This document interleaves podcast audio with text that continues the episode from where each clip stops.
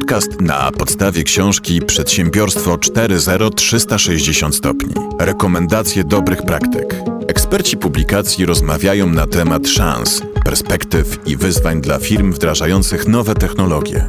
Przedsiębiorstwo 4.0 360 stopni, rekomendacje dobrych praktyk to przewodnik po cyfryzacji przedsiębiorstwa i obowiązkowa lektura każdego nowoczesnego menadżera. W książce zawarte zostały przykładowe rozwiązania i rekomendacje, jak skutecznie i efektywnie implementować nowe technologie oraz jak podnosić konkurencyjność biznesu, wprowadzając automatyzację i model przemysłu 4.0.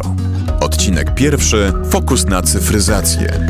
W odcinku pierwszym eksperci publikacji Ewa Mikos-Romanowicz, firma Siemens, Jędrzej Kowalczyk, firma Fanuk Polska, Artur Pollak, firma Appa Group oraz Agnieszka Osóbko, AHK Polska rozmawiają na temat szans, jakie daje cyfryzacja, zaufaniu do świata cyfrowego, polskim zmyśle do optymalizacji oraz miłości do pilotażu i wirtualnego bliźniaka.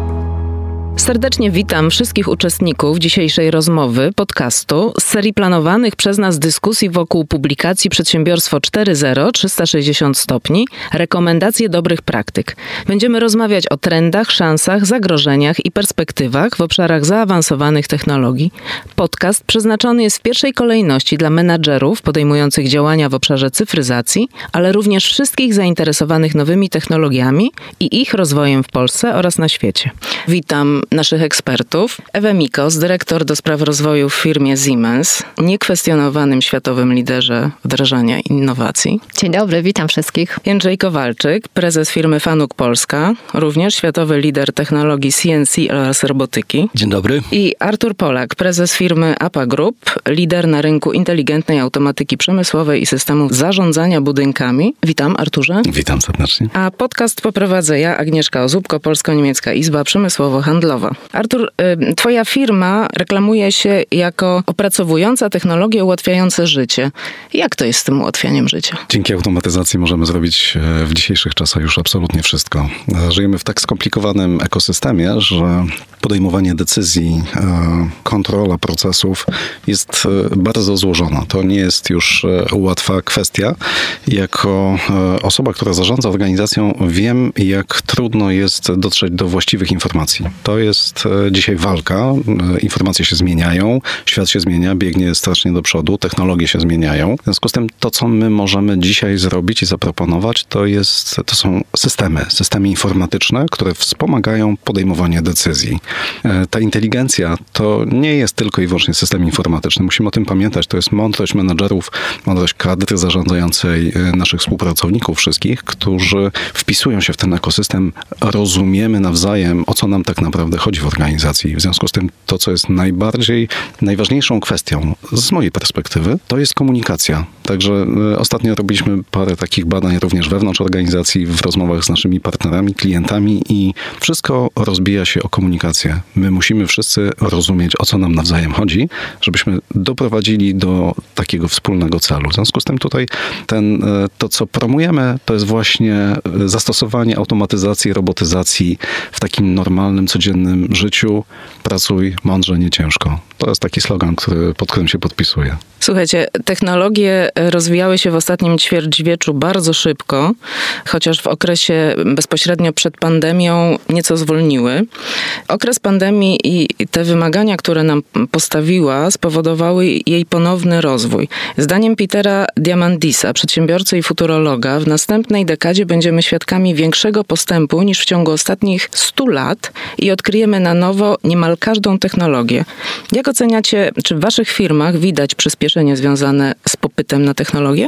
Na pewno musimy zdać sobie sprawę z możliwości, jakie daje nam technologia właśnie, ale nie zapominać o aspekcie ludzkim, czyli tym, co powiedział przed chwilą Artur, ta komunikacja, to działanie, to zrozumienie, bo bardzo często jest taka sytuacja, że mając do dyspozycji nawet najlepszą technologię, zapominamy o dobraniu właściwej kadry, ludzi, która potrafi ją wykorzystać.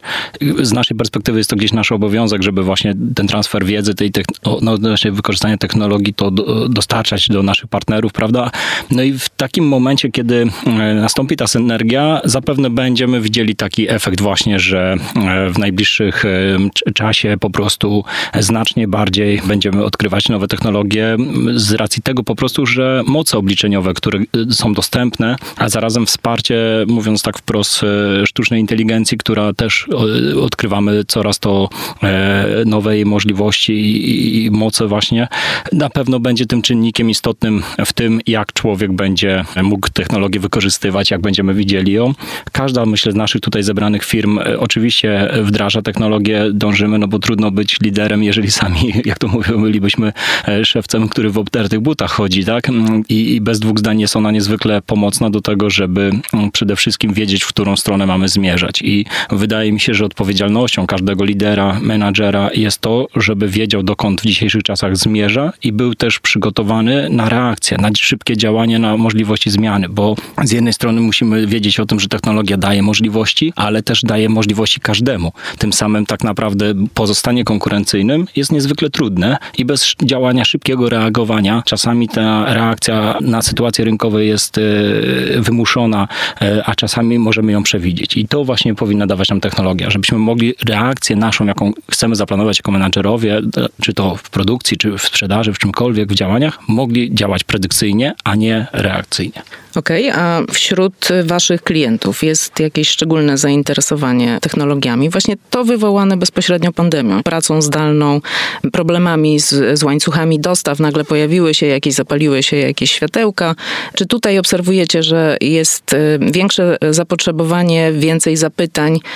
Coś y, drgnęło? Przede wszystkim więcej zapytań, dlatego że od zapytania do wdrożenia no, trochę czasu musi upłynąć, także zdecydowanie obserwujemy więcej zapytań pytań y, obserwujemy też większą otwartość. Tutaj konkretnie mogę podać przykład naszego serwisu, który kiedyś rzeczą niewyobrażalną było, żeby nie przyjechał do klienta, tylko próbował zdalnie jakąś y, sprawę załatwić. Teraz jest wręcz oczekiwanie, żeby w miarę możliwości jak najwięcej, jak najszybciej odbyło się zdalnie i dopiero w przypadku już takiej ostatecznej konieczności ten serwisant musi wejść, co zresztą no, mocno było utrudnione w czasie lockdownu, gdzie każdy się obawiał kogokolwiek wpuścić i próbowano szukać jakichś rozwiązań innych. I to jest właśnie pokłosie tego czasu, kiedy te inne rozwiązania tak naprawdę już zaistniały w takiej, bym powiedziała, codzienności i rzeczywistości. Tu stawiam kropkę i drugi aspekt, który chciałabym poruszyć, zainteresowania, zapytania, ale też otwartość, czyli mentalność, czyli to, co siedzi w naszej głowie, bo niestety to jest największy wróg wdrażania nowych technologii. W kontekście pandemii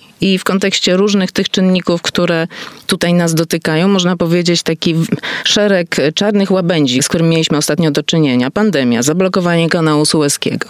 Efekt kuli śnieżnej wywołany tymi działaniami spowodował przerwanie łańcuchów dostaw. No teraz mamy y, sytuację y, zagrożenia zagrożenia wojną. Jak Twoim zdaniem można zabezpieczać i, i co jest istotne w kontekście rozmów z przedsiębiorcami, żeby jak najbardziej zapewnić trwałość działania firmy? To jest e, coś, o czym dyskutujemy już od e, wielu miesięcy i myślę, że jako menedżerowie jesteśmy doświadczeni właśnie tą, szczególnie tą pandemią. Ona pokazała nam zupełnie inny sposób zarządzania. To, co kiedyś było niedopuszczalne, nagle teraz stało się normą. Komunikacja przez komunikatory internetowe, meetingi, na które już nie musimy jeździć setki kilometrów, e, żeby z kimś się spotkać, prawda? Ta wymiana to zaufanie do świata cyfrowego, że niektóre rzeczy się damy. Już przeszliśmy. To, to, to tak rewolucyjnie rewolucyjnie. To się stało z dnia na dzień. To była świetna rzecz. Ale teraz wracając do technologii, Jędrzej powiedział o, o tej predykcji. To jest e, jeden chyba z głównych tematów, nad którym powinni się pochylić wszyscy menedżerowie. Ja podam tutaj taki przykład, który może trafi do większości. E, jeżeli jest firma, która produkuje buty i ona w lecie na przykład zwiększa swoją e, wydajność fabryki o 1000%. Dlaczego ona to robi? Dlatego, że ona wie, że będzie bardzo mocna zima. Czyli to jest to przewidywanie przyszłości, ale oni też projektują swoje zyski. Oni wiedzą, co zrobić. Cała konkurencja, nie obserwując serwisów pogodowych, nie jest w stanie podjąć tak odważnych decyzji. Kiedy da się zrobić zwiększenie produktywności o 1000% w fabryce? No wtedy, kiedy zastosujemy nowoczesne technologie, to robotyzację, automatyzację na każdym poziomie i ten przemysł 4.0, bo właściwie krążymy troszkę obok tego tematu, jeszcze nie padło to słowo kluczowe, którego już e, ludzie, czasami menedżerowie nie chcą słuchać, ale, ale to jest e, pewnego rodzaju taka, taka klamra. To jest miejsce, gdzie e, na przykład pandemia pokazała, że wszystkie nasze biznesy są związane z tym, że brakuje nam ludzi w procesie. Ktoś wypadnie z procesu, ktoś, kto jest specjalistą w danym fragmencie, już cała fabryka może stanąć. To, jest, to są takie punkty, te czarne łabędzie, to właśnie chociażby takie zdarzenia, których my dzisiaj nie identyfikujemy.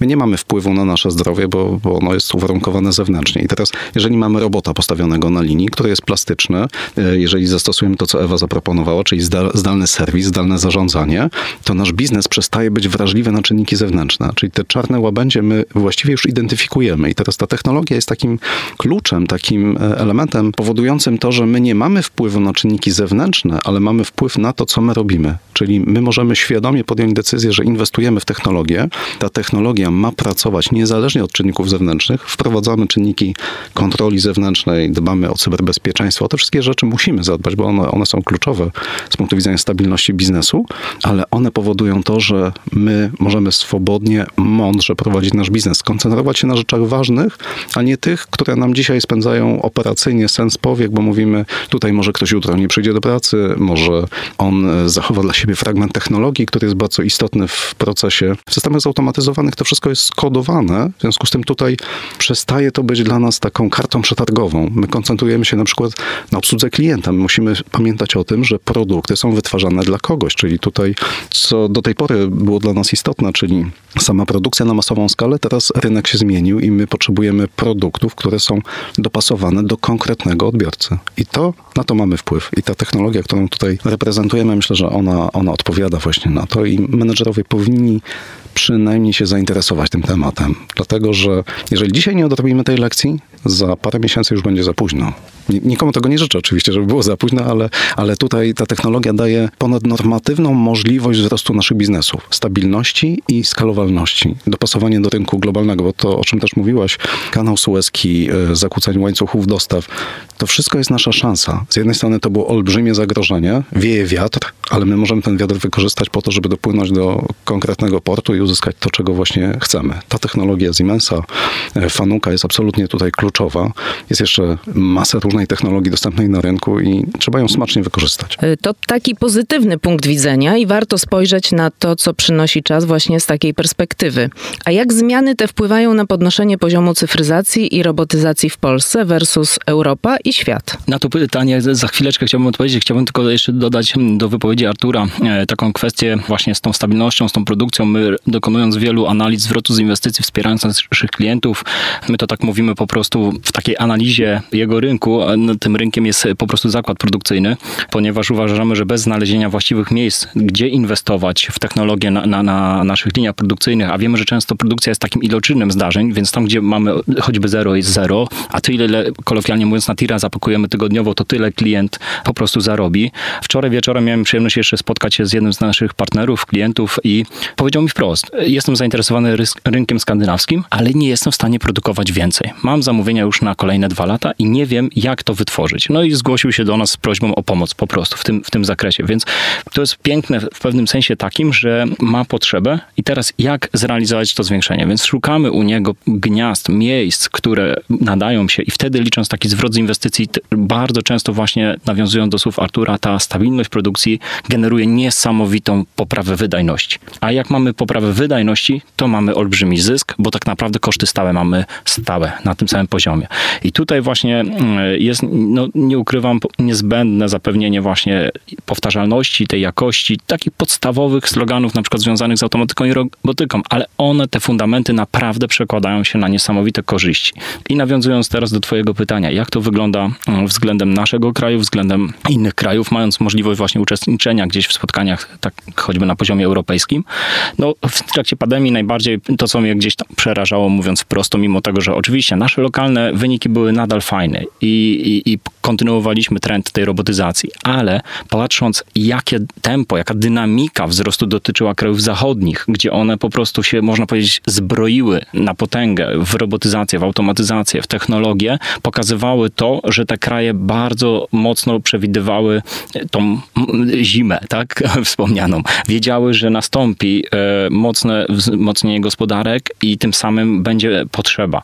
Te inwestycje przełożyły się na to, że teraz kraje Europy Zachodniej bez problemu mogą konkurować jednostkowym koszcie wytwarzania z krajami takimi jak Polska, po prostu. Bo jeżeli mamy we wspólnym mianowniku wiele rzeczy na tym samym poziomie, nie wiem, zakup hali, działki, energii e, i jest czynnik e, tak naprawdę automatyzacji, robotyzacji niweluje praktycznie pracę manualną, tym samym bez problemu możemy wytwarzać w Niemczech e, te same elementy w tej samej cenie jak, jak w naszym kraju.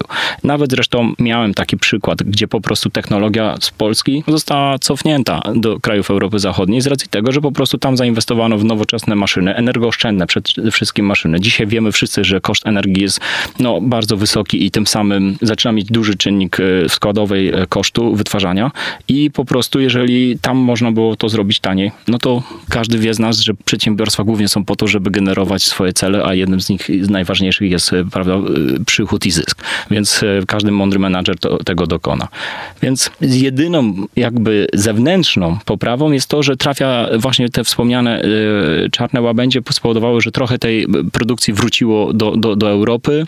My jako Polacy mamy szansę w niej uczestniczyć i to jest gdzieś takie fajne światełko, że mamy ten potencjał, tak, że możemy nadal działać, że możemy część tej produkcji pozyskać, ale y, no ja też popieram te słowa, że to mogą być dosłownie miesiące teraz się rozgrywać, tak jak powiedział Artur. Jeżeli nie po prostu zadziałamy, to nie będziemy mieli tej szansy, bo inne kraje, takie, które dla nas często się kojarzą w ogóle jeszcze, że są za nami, typu Rumunia, Bułgaria, Grecja, tak, że to nie są kraje takie industrialne, to jest błędne myślenie. Tam się wytwarza na potęgę i robotyzuje na podobnym poziomie. Jako Polska średni wskaźnik mamy 52 roboty na 10 tysięcy pracowników.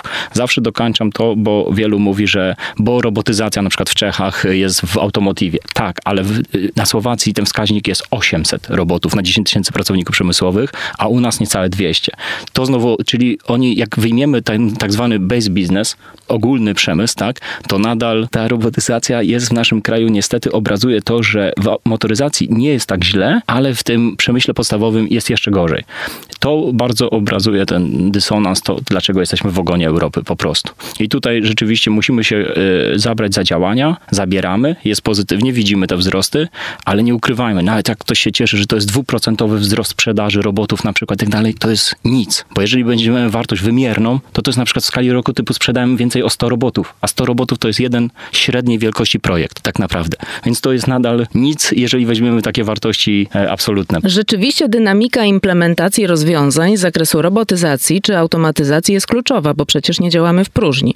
Obserwujemy zastosowania robotów w szpitalach, hotelach, a nawet y, osobom o mniejszej wiedzy na temat postępu technologicznego uświadamia to, że te procesy postępują. Dlaczego w Polsce dzieje się to wolniej? Przede wszystkim, y, tak jak mówiłem, moją największą konkurencją jest często mentalność naszych klientów oraz y, wiedza. Wiedza na temat inwestowania. Tego nam brakuje, nie edukowano nas, nie, możemy nikogo za to winić, że jej nie ma, bo po prostu tego nie było gdzieś w programach edukacyjnych przewidzianego, tak? Staramy się wszyscy tutaj, jak jesteśmy zebrani, choćby dzisiejsze działanie ma w tym pomóc. Nasz poradnik też dobrych praktyk y, też temu służy, więc publikacja fajnie opisuje po kolei, gdzie można skorzystać z podejścia, z przykładów osób, które, które już zaczęły działać.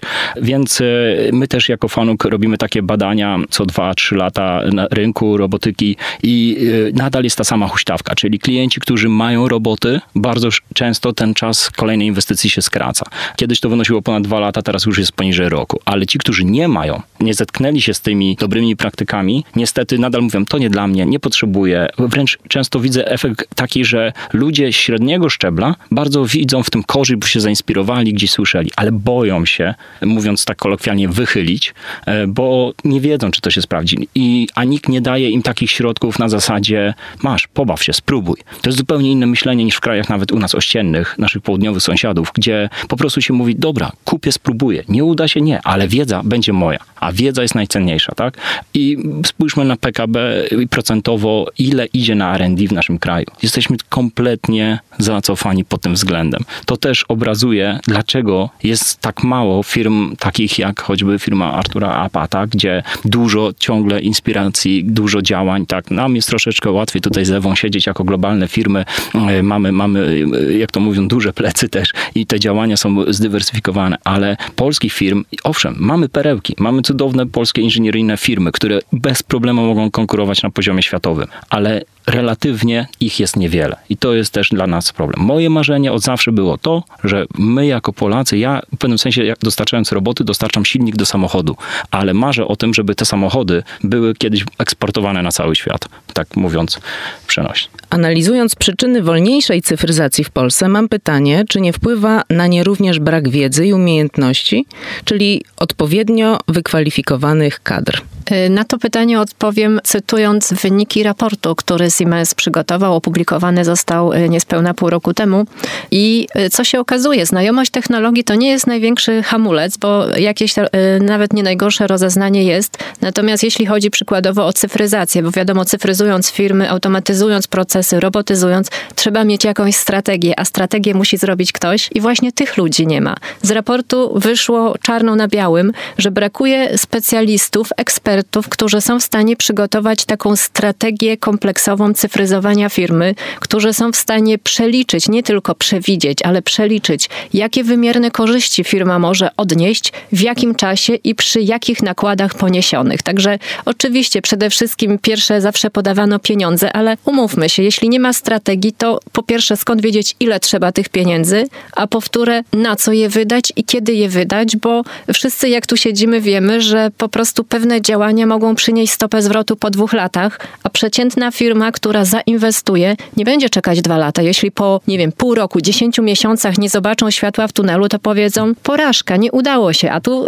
znowu wracam do tego, co już dzisiaj padło w trakcie rozmowy, co mówił Jędrzej, że u nas z kolei jest taka mentalność, że jak coś się nie uda, to nie jest traktowane z perspektywy zdobyłem pewne doświadczenie, wiem co poprawić, czyli motywacja do kolejnego działania, tylko w kategorii porażki, a skoro raz odniosłem porażkę, to już lepiej nic nie robić, bo jak nic nie zrobię, to się nie pomylę, nie popełnię błędu i ogólnie będzie dobre samopoczucie i dobry nastrój. Także dosyć duże błędne koło.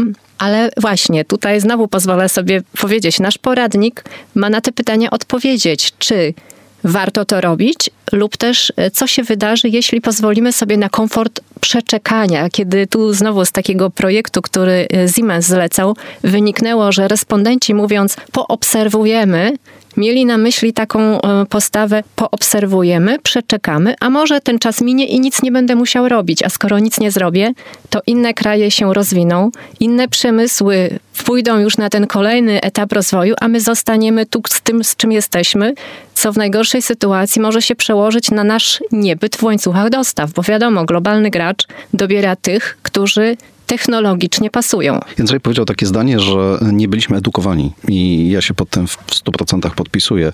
Ja z wykształcenia jestem inżynierem, zajmowałem się automatyzacją procesów przemysłowych, systemami komputerowymi i ja znałem to wszystko od strony technicznej. Później pełnię funkcję prezesa, w związku z tym zaczęła mnie interesować ekonomia. No i teraz to pytanie, o którym Ewa powiedziała, czy, czy to zdanie, które wy, wy, wypowiedziała, my nie jesteśmy w stanie oszacować kosztów wprowadzenia zmian. My definiujemy, że ona jest pozytywna i tak kształtujemy naszą organizację, wpisujemy się w ten łańcuch dostaw. Musimy pamiętać o tym, że jeżeli Państwo wszyscy spojrzymy na duże firmy, to te duże firmy robią się coraz większe i jeszcze większe i jeszcze większe kosztem tych małych, średnich, które są dostawcami. No nie oszukujmy się.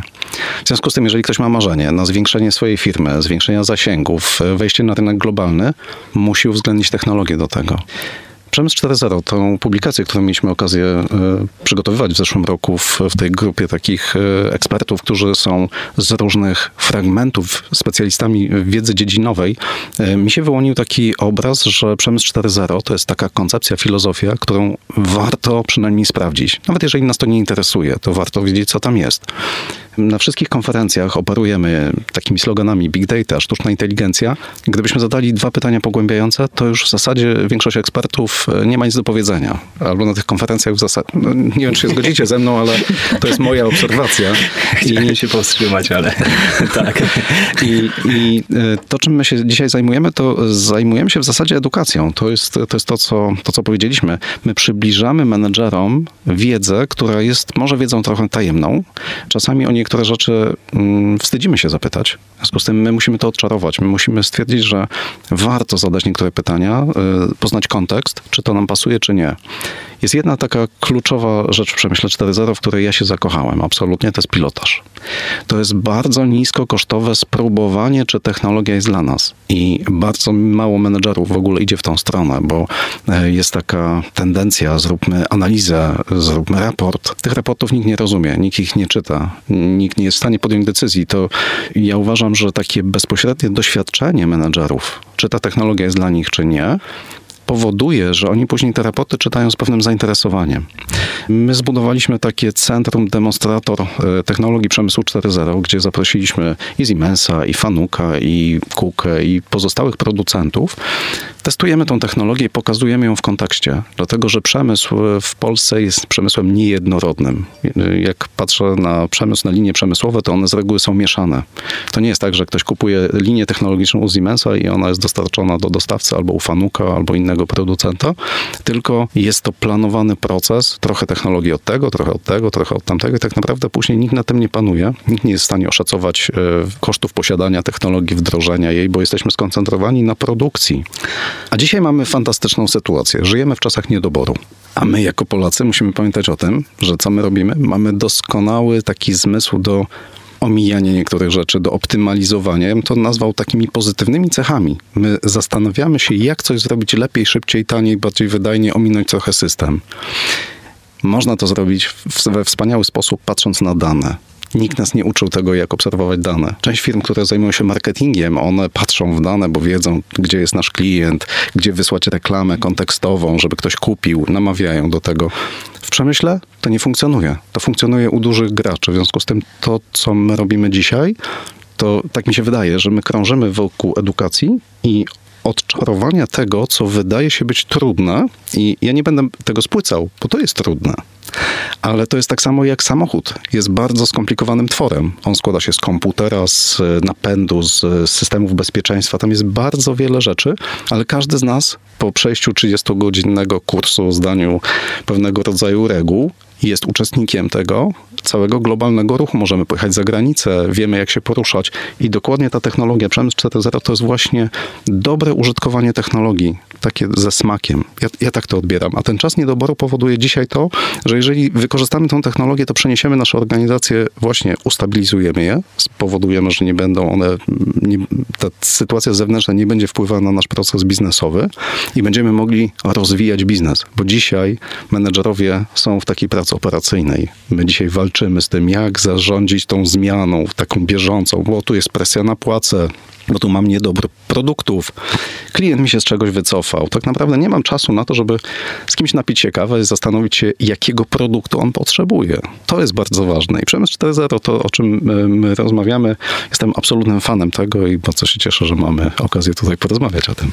Jeśli można, jedno zdanie, bo tutaj Artur pięknie mówił o uczuciach, o miłości do pilotażu, a ja bym zarekomendowała wszystkim, którzy nas słuchają, żeby zakochać się w wirtualnym bliźniaku, ponieważ to jest de facto też pilotaż, tylko ten pilotaż odbywa się w świecie wirtualnym, czyli zanim poniesiemy realne wydatki, zanim postawimy realną linię, fabrykę, rozbudujemy tą, którą mamy, żeby się dowiedzieć, jak to będzie razem działać, warto to przetestować, przesymulować, tudzież przepilotować w świecie wirtualnym. I akurat o tym pisałam w tym poradniku. Tak, to jest, to jest, to jest świetna kwestia rzeczywiście, bo naszym celem też jest trochę zachęcenie ludzi, którzy, menedżerów, e, którzy wpływają na procesy decyzyjne, żeby się nie bali pytać. To jest, to jest niezmiernie istotne. Celem chyba tego naszego, tej naszej dyskusji też jest odczarowanie właśnie tej sytuacji.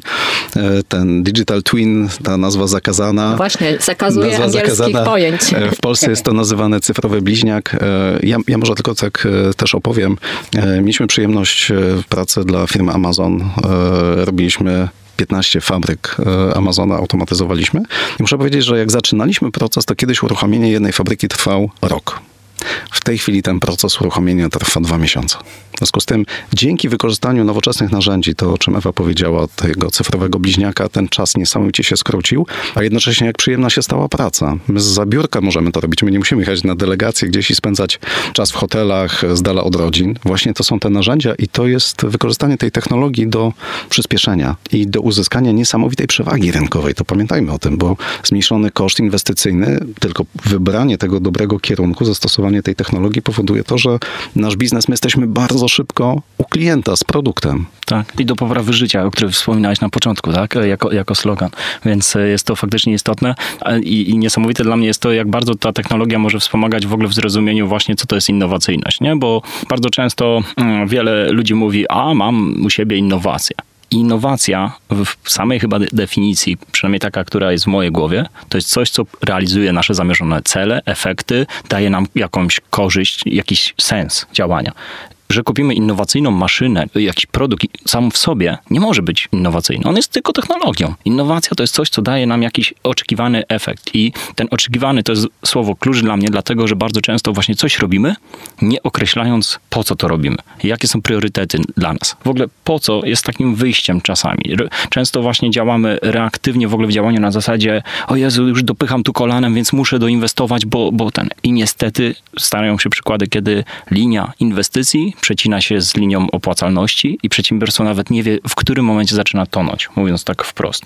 I to jest bardzo istotne, żeby dobrze określić po co, czym jest innowacja i gdzie ją wdrożyć. A wtedy przedsiębiorstwo jest, mówiąc wprost, skazane na sukces. Bo to są tylko liczby, matematyka, więc można to naprawdę policzyć, zwłaszcza w czasach teraz niedoboru, kiedy naprawdę większość ludzi mówi, mam zamówienia, mam sprzedaż, nie wiem jak wytworzyć, nie, nie nadążam z, z tymi tematami, więc tutaj jest teraz niesamowite pole do popisu, ale ono się oczywiście gdzieś zakończy, więc boję się też tego, albo nie mówmy boję, po prostu zacznijmy działać, o tak może. Jeżeli mogę, mogę jeszcze tylko tak dodać coś, to e, chciałem opowiedzieć taką, taką sytuację, moje bezpośrednie doświadczenie z zeszłego roku. Przez kilka lat opracowaliśmy taką platformę do e, lepszego zarządzania profilami energetycznymi, czyli żeby fabryki były bardziej zielone, żeby nie emitowały tak dużo CO2, żeby ludzie podejmowali lepsze decyzje i próbowaliśmy zainteresować rynek polski, pokazując, jakie są benefity gdy lepiej się podejmuje decyzje, gdy mamy dostęp do pełnych danych. No i większość menedżerów mówi tak, idźcie do głównego energetyka. A główny energetyk mówi, nie, panie, my to wszystko mamy, my to wszystko robimy. A ja mówię, to może by pan pokazał i w jaki sposób to robicie? A oni pokazują nam platformę, którą mają od dostawcy energii no i mówią, że tam mają wszystkie dane. No tak parafrazując, uważam, że to jest trochę tak, jakbyśmy zatrudnili lisa do opieki nad e, kurami dostawca energii jest skoncentrowany na tym, żeby sprzedać nam tą energię po prostu. On nie jest zainteresowany tym, żebyśmy zużywali jej mniej albo bardziej ekonomicznie. I technologia wychodzi tutaj naprzeciw te wszystkie systemy, o których my dzisiaj mówimy, o robotach, o automatyzacji, o cyfrowym bliźniaku, o systemach wspomagania decyzji, o systemach automatyki budynkowej, o automatyce przemysłowej, to są elementy, które pomagają dzisiaj podejmować lepsze decyzje. To jest chyba klucz do tego, żebyśmy wykorzystali ten czas niedoboru. Rok temu nikt nie był zainteresowany energią. Żadną. Dlatego, że w tak zwanych pipeline'ach e, albo w, w jakichś budżetach menedżerskich ta kwota była stosunkowo mała i każdy był skoncentrowany na generacji marży. Dzisiaj ciężko jest uzyskać marżę, bo energia stanowi tak potężny koszt, że wszyscy mówią, jak to zrobić. I znowu, nie jesteśmy biznesowo przygotowani do tego, żeby zarządzać profilem, bo mamy starą technologię, w której w zasadzie nie da się nic zmodyfikować. I tutaj to, czym też e, poruszamy, e, dajemy, dajemy rekomendacje. My mówimy po pierwsze o tym, że są środki publiczne, są pewnego rodzaju ulgi wprowadzone. W tej chwili ulga na robotyzację, która jest e, nowym elementem. My mówimy o tym, że technologia spadła w cenie. My mówimy o tym, że pojawia się na rynku coraz więcej ekspertów.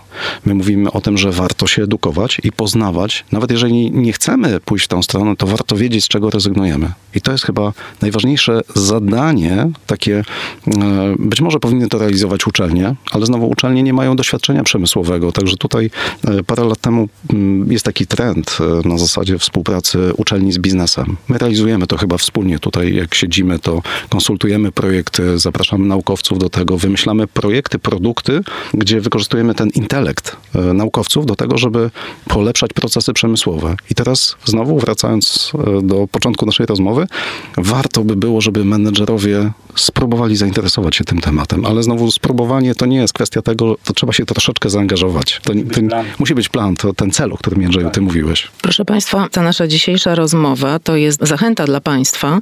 Podcast jest przeznaczony absolutnie dla menadżerów, aby mogli podejmować trafne decyzje, takie jak duże organizacje i żeby jak najlepiej rozwijały się w swojej działalności.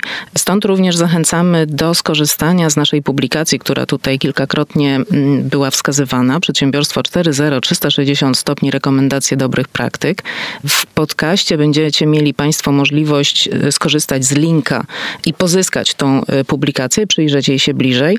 E, jak Państwo słyszeli przed chwilą, wyznana została tutaj, jeśli jest to właściwe słowo, miłość do przemysłu 4.0. Myślę, że ta publikacja również idzie w tym kierunku. To jest absolutna afirmacja tych rozwiązań, podążanie tym kierunkiem, przyglądanie się z różnych właśnie 360 stopni, jak można poprawiać y, swoją technologię, jak można poprawiać swoją sytuację na rynku. Zachęcamy i zapraszamy do kontaktu z nami. Będziemy z przyjemnością z Państwem na ten temat rozmawiać. Podcast na podstawie książki Przedsiębiorstwo 4.0 360 stopni. Rekomendacje dobrych praktyk.